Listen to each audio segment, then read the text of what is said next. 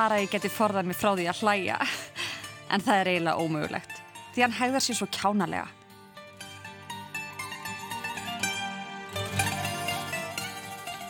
Þetta er sagan af Hási Andersen eða Hans Christian Andersen sem var höfundur ótalmargra þekktra ævintýra sem dæmum á nefna eldfærin, litlu stúlkuna með eldspíturnar, þumalínu, nýjufjötin keisarans, litla ljóta andarungan og snædrottninguna sem komum mitt við sögu í síðasta þætti um Jenny Lind, sænska næturgalan.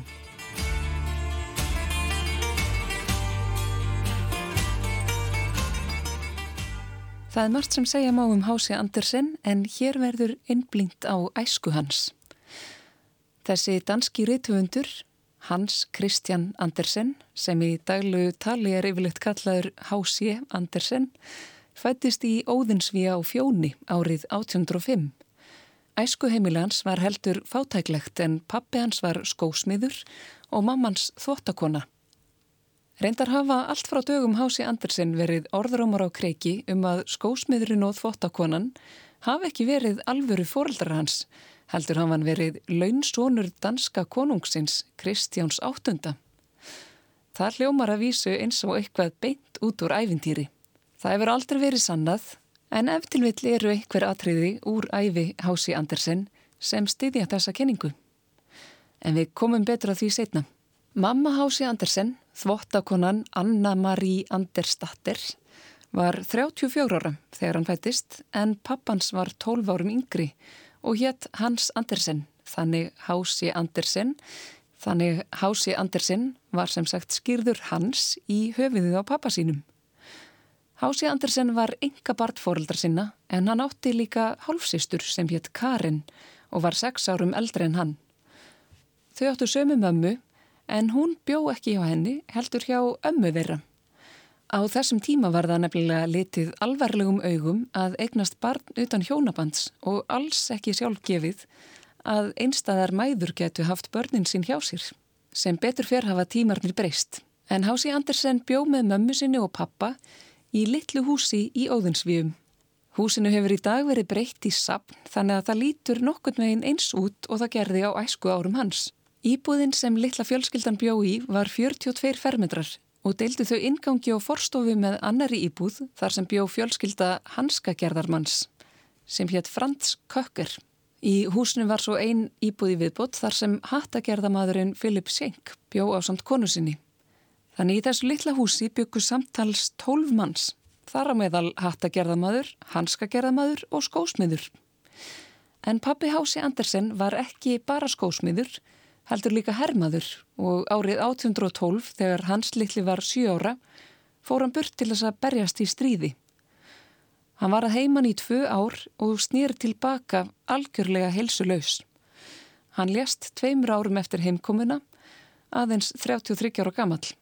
Það hefur án ef að verið mjög erfitt fyrir hinn 11 ára gamla hans að missa pappa sinn, en það voru þeir mjög nánir, en pappin hafði kynnt svonin fyrir undra heimi bókmentana og meðal annars lesið fyrir hann ævintýri úr arabíska ævintýrasafninu Þúsund og einni nótt þar sem meðal annars má finna ævintýrið vel þekta um Aladdin.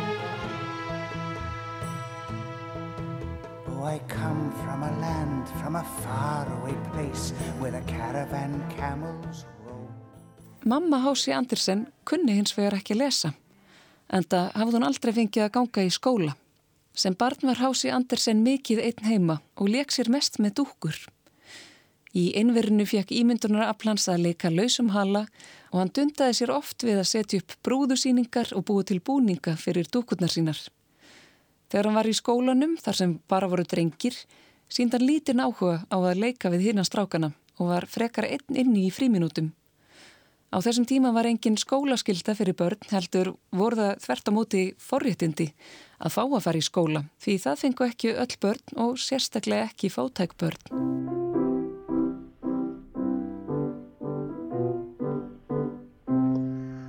Það er leikur að læra, leikur þá er mér kær, vita meira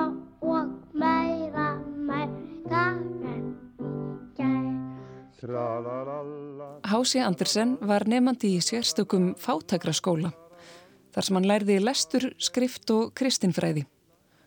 Þó hann hefði indi af því að lesa og skrifa, upplöði hann sig alltaf utangarðs í skólanum og hinn börnin strítunum mikið. En hann var vissum að ef hann bara kemist í annað umhverfi og fengi að sanna sig sem listamæður, myndan blómstra.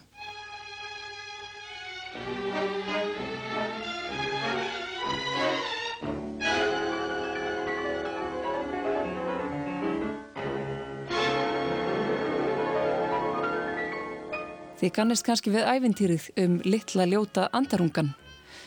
Þar segir frá því þegar svansegg veldur úr reyðrinu og lendir í andarreyðri. Þegar ekkin klekjast út lítur svansungin auðvitað allt öðruvísu út en andarungarnir sem stríðunum og segja hans í ljótur.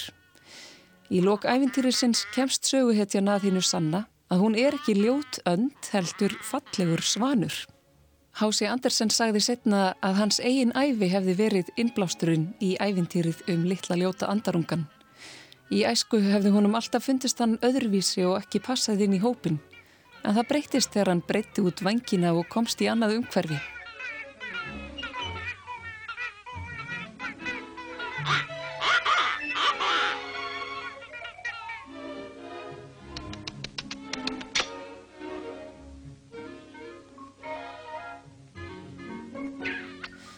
Hann kaus heldur að umgangast eldra fólk, sérstaklega gamlar konur sem sögðunum þjóðsugur og hann skemmti þeim á móti með því að spinna sögur og klæða þær lífi með teikningum og búningum.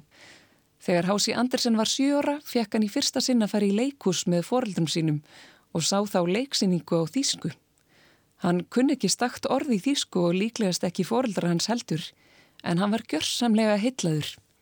Þegar hann var orðin fullorðin, rifjaði hann upp þessa fyrstu leikúsferð og skrifaði.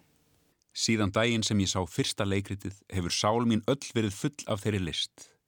Ég man ennþá hvernig ég gætt setið dögum saman fyrir framann speilin með svundu yfir aukslunum í staði ríktaraskikju og leg das Donau-væpsinn á þýsku, þó ég kynni varla nema fimm þýsk orð. Fljótlega lærði ég svo heilu dönsku leikritin utanbókar.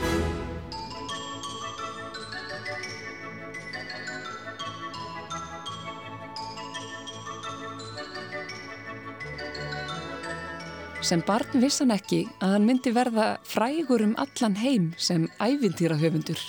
Í raun vissan ekki hvort hann vildi verða rithöfundur. Hann vissi bara að hann væri listamæður.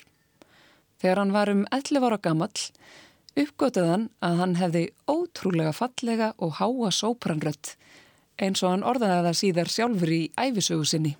Þeir eiginleikar mínir sem þóttu óvinnulegir í samanburði við önnur börn af sömu stjett og ég, Ást mín á lestri og mín dásamlega rött dróu aðtegli fólks að mér, skrifaðan í sömu bók. Með þessum hætti útskýrir Hási Andersen hvernig honum tókst að komast í kynni við ríkara fólk sem var hærra sett í þjóðfélaginu en hann. Ég myndist í upphafi á sögusagnir um að Hási Andersen hafi í raun og veru verið af göfugum ættum, jafnvel mögulega sonur sjálfs konungsins. Þó margir segi þessa kenningu vera tóma dellu sem ekkert sé til í, er óneitanlega dálítið óvinnulegt að sinni fátæks skósmiðs skildi takast að kynnast jafnmörgu áhrifamiklu fólki úr efri stjættum samfélagsins eins og Hási Andersen. Brottborgararnir í Óðinsvíum sem hinn 11 ára gamli piltur komst í kynni við, kynntu undir áhuga hans á skáldskap með því að lána honum ímsar bækur. Móður hans gaf hins vegar lítið fyrir bókmetta áhuga hans og útvegaði honum vinnu í fataverksmiðju. Hási Andersen reynda malta í móin og útskýra fyrir móður sinni að hans staður í tilverunni væri ekki í verksmiðju. Á fyrsta vinnudeginum söngan fyrir hina verkamennina sem urðu svo hrifnir að þeir hættu vinnu sinni við vefstólana og hlustuðu af andagt. Eða svo segir allavega Hási Andersen í æfisugu sinni. Hann náði að semja um að aðrir myndu sinna vinnunni hans og hann myndi skemmta þeim á meðan með söng. Þetta fyrirkomulag hendaði Hási Andersen afar vel en dagætt kárnaði gamanið og hann var fyrir slæmri lífsreynslu. Einn verkamannina rópaði að hann hlita vera stelpa en ekki strákur og hópur manna króðan af og rifan úr fötunum til þess að komast að því. Hann öskraði og grétt og reyndi að slíta sig lausan og hljóp síðan heim til mömmu sinnar sem lofaði honum að hann þurfti aldrei aftur að fara í þessa verksmiðju. Í staðinn fann hún fyrir hann vinnu í tópaksverksmiðju þar sem voru nokkrir aðrir strákar í vinnu. Í æfisugusinni segir Hási Andersen að þar hafi fólk líka kunnið að meta söngans og sumir hafi meiri segja gert sér sérstaka ferði í verksmiðuna bara til þess að heyra hann syngja. Hann starfaði þó ekki lengi í tópaksverksmiðinni því mammans fóru að hafa áhugjur af því að tópakið væri slengt fyrir heilsu hans. Hún stakk upp á því að hann gerðist klæðskeri. En klæðskeri er einhver sem snýður og saumar fött. Nokkuð sem hefði eflaust leið vel fyrir Hási Andersen sem var duglegur að hanna og sauma fött á dúkurnar sínar sem hann leik sér með heima. En hugur Hási Andersen stemdi annað. Hann vildi vera í sviðsljósinu. Sem barn vissan ekki að hann myndi verða frægur um allan heim sem höfundur æfintýra en hann vissi þó að hann væri listamadur og að líkamleg erfiðisvinna væri ekki fyrir hann.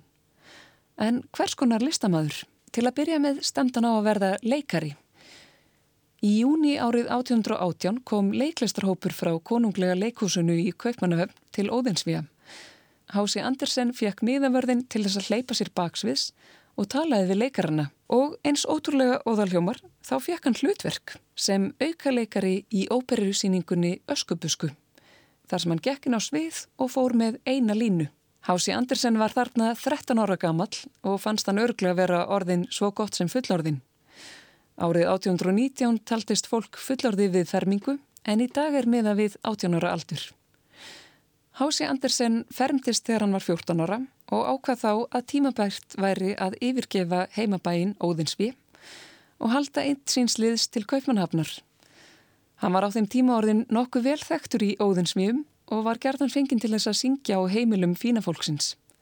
Í á einu slíku heimili bjó ofursti sem kynntan fyrir sjálfum Kristjáni Krónprins. Prinsinn bauðst til þess að styrkja Hási Andersen til náms í einhverji yngrein, til dæmis klæðskýra. En hann afþakkaði það pent án umhugsunar því hann ætlaði jú að verða listamæður. Honum hafi tekist að sapna sér dálullum peningum, 13 ríkistölum, með söng sínum og með þá í vasanum hjælt hann til kaupmannhafnar þar sem hann þekkti engan. En hann var óhrættur við að kynna sig fyrir fólki og reyna fyrir sér í hinnum ímsu listgreinum. Til dæmis bankaðan upp á hjá frægri ballerínu og dansaði fyrir hanna í vonum að hún geti hjálpaðunum að komast að í dansflokki og verða atvinnu dansari til dæmis í leikhúsi. Hún skildi kvorki uppni niður í þessum undarlega unga manni og rakana lokum burt.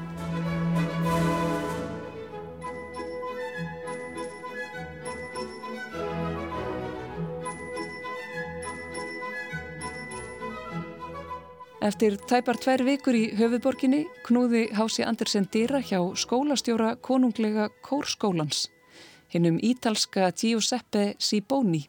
Ráðskonan kom til dýra og Hási Andersen sagðinni alla sólarsöguna að hann væri komin hingað einsýnsliðs alla leið frá óðinsvíum og dreymdum að verða leikari eða söngvari. Ráðskonan miðlaði þessu til Sibóni sem var endar einmitt að halda stort matarbóð. Og viti menn, hann bauð þessum unga aðkomumanni að koma inn og skemmta gestum sínum.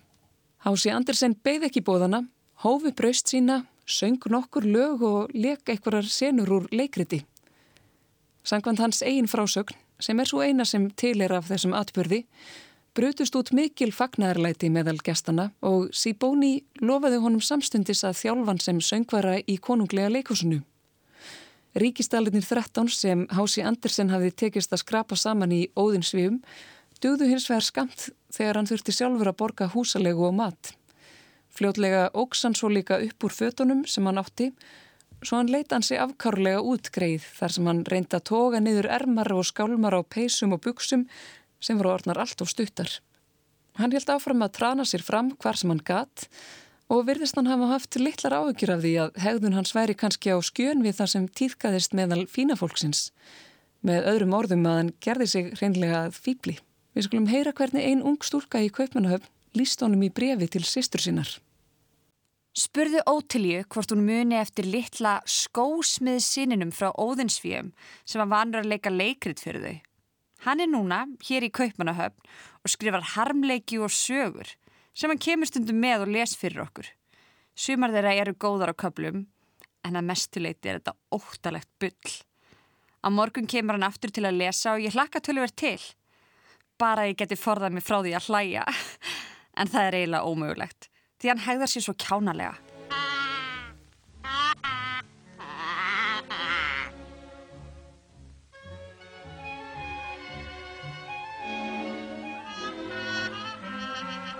Söngkenarinn Sibóni saði fljótlega skilið við Hási Andersen að því háa sópranröttin hans kvarf þegar hann fór í það sem kallað er mútur. En það er þegar rött stráka dýfkar þegar þeir verða kynþróska. Hann fekk um tíma danskennslu í dansskóla hýrðileikursins, hjælt áfram að eldast við leikardrauminn og fekk stöku sinnum aukarlutverk við konunglega leikursið. Vinur hans þar hvart hann til þess að semja ljóð og upp frá því fór Hási Andersen að skrifa meira og meira. Hann var 17 ára þegar hann gaf út sína fyrstu bók sem hétt Bernskubreik eða Ungdómsforsög en danska orðið ungdóm þýðir einmitt ungdómur eða æska og forsög þýðir tilraun. Hási Andersen gaf þessa bók út undir dullnefninu William Christian Walter en þessi þrjú nöfn hafðu öll einhverja skýrskotun. William nafnið tók hann frá William Shakespeare, Kristjan var hann sjálfur, Hans Kristjan og Volter var eftir skoska reytifundunum Volter Scott. Þegar stefnahási Andersen skýrðist og hann fór að einbytta sér að skrifum á hvað leikstjórin við konunglega leikúsið að styrkjan til náms í latínuskóla í bæ sem heitir Slagelsi. En þar satt hinn 17 ára gamli Hási Andersen á skólabekk með piltum sem voru miklu yngre en hann eða á aldrinum 10 til 12 ára. En kjenslan í fátakraskólinum í Óðinsvíum var ekki upp á marga fiska, þannig hann vantaði mikið upp á til dæmis í stafsendingu. Þessi tími reyndist honum erfiður og var þann þunglindur á meðan dvölhans í skólanum stóð. En hann var fyrir miklu aðkasti bæði af hálfu skólapiltana og kennarans sem leitaðist við að herða personuleikans með yllri framkomu. Það er leikur að læra, leikur sá er mér kær. Sem betur fer létt Hási Andersen erfiðleika í stafsetningu og málfræði ekki stöðva sig í að skrifa ævindýrin sín. En setna meir lefðan öðrum að aðstóða sig og sjáum að stafsetning og málfar væri eins og best var ákosið. Árið 1829 þegar Hási Andersen var orðin 24 ára setti konunglega leikhúsið upp fyrsta leikritið eftir hann. En hann hefði skrifað það þegar hann var aðeins 16 ára gamall. Á sinni 70 ára æfi skrifað hann meirinn 200 æfintýri, rúmlega 1000 ljóð, 6 skáltsögur og 50 leikrit. Í dag, 147 árum eftir andlát hans, hafa rittverk hans verið þýtt yfir á meira en 150 tungumál og ævindýrin lifa góðu lífi ennþann dag í dag og þar spilar jú Disney stóran þátt. Við skulum heyra að lókum lag úr einni Disney mynd sem byggður á ævindýri eftir Hási Andersen. Leikarin Stefán Karl Stefánsson bregður sér í hlutverk Krabbans Sebastian í íslenskri talsetningu teknimyndarinnar um litlu hafmeina. Í sjónum er sífælt sveifla, ég segi og skrifa það. Þið fyrstir í fastan landið, en þar þarf að fara í bað. Þar finnum við slíka fegur, þar finnum við frið og ró. Ég segi þér þetta er málið, þér þarf borgi hatt ég skó. Grænum sjó, í grænum sjó. Hér áttu heima, hættu að dreyma, hlustað á mig. Uppi þeir streða tík og ó, slíta sér útland fram á nót. Á meðan við fljótum og skjótum í rótum í grænum sjó.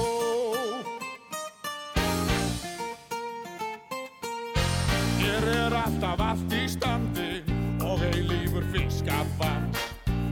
En foskar á þurru landi, þeir gera þar stuttanstans. Þeir lenda í fröngum búrum og enda á einum stað. Á diskum hjá svöngu fólki, nú ættið að reyna það. Ó nei, í grænum sjó, í grænum sjó.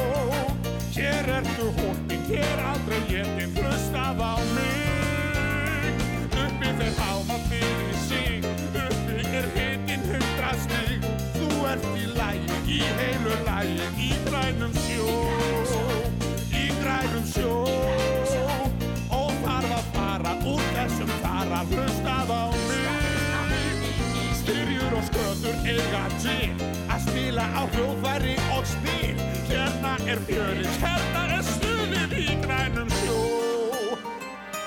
Er flautunar tóm og hörpunar hljóm og bassan í gang og síkandi þá og látúnið haft og trommunar slátt og þar fer blúsarinn.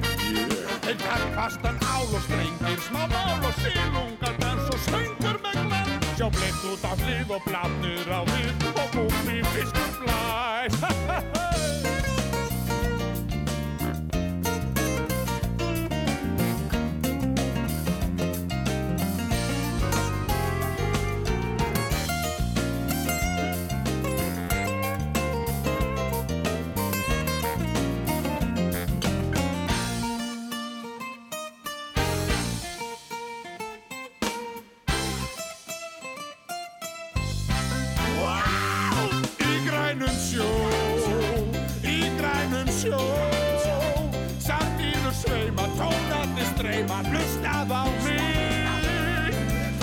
að sækja upp á land.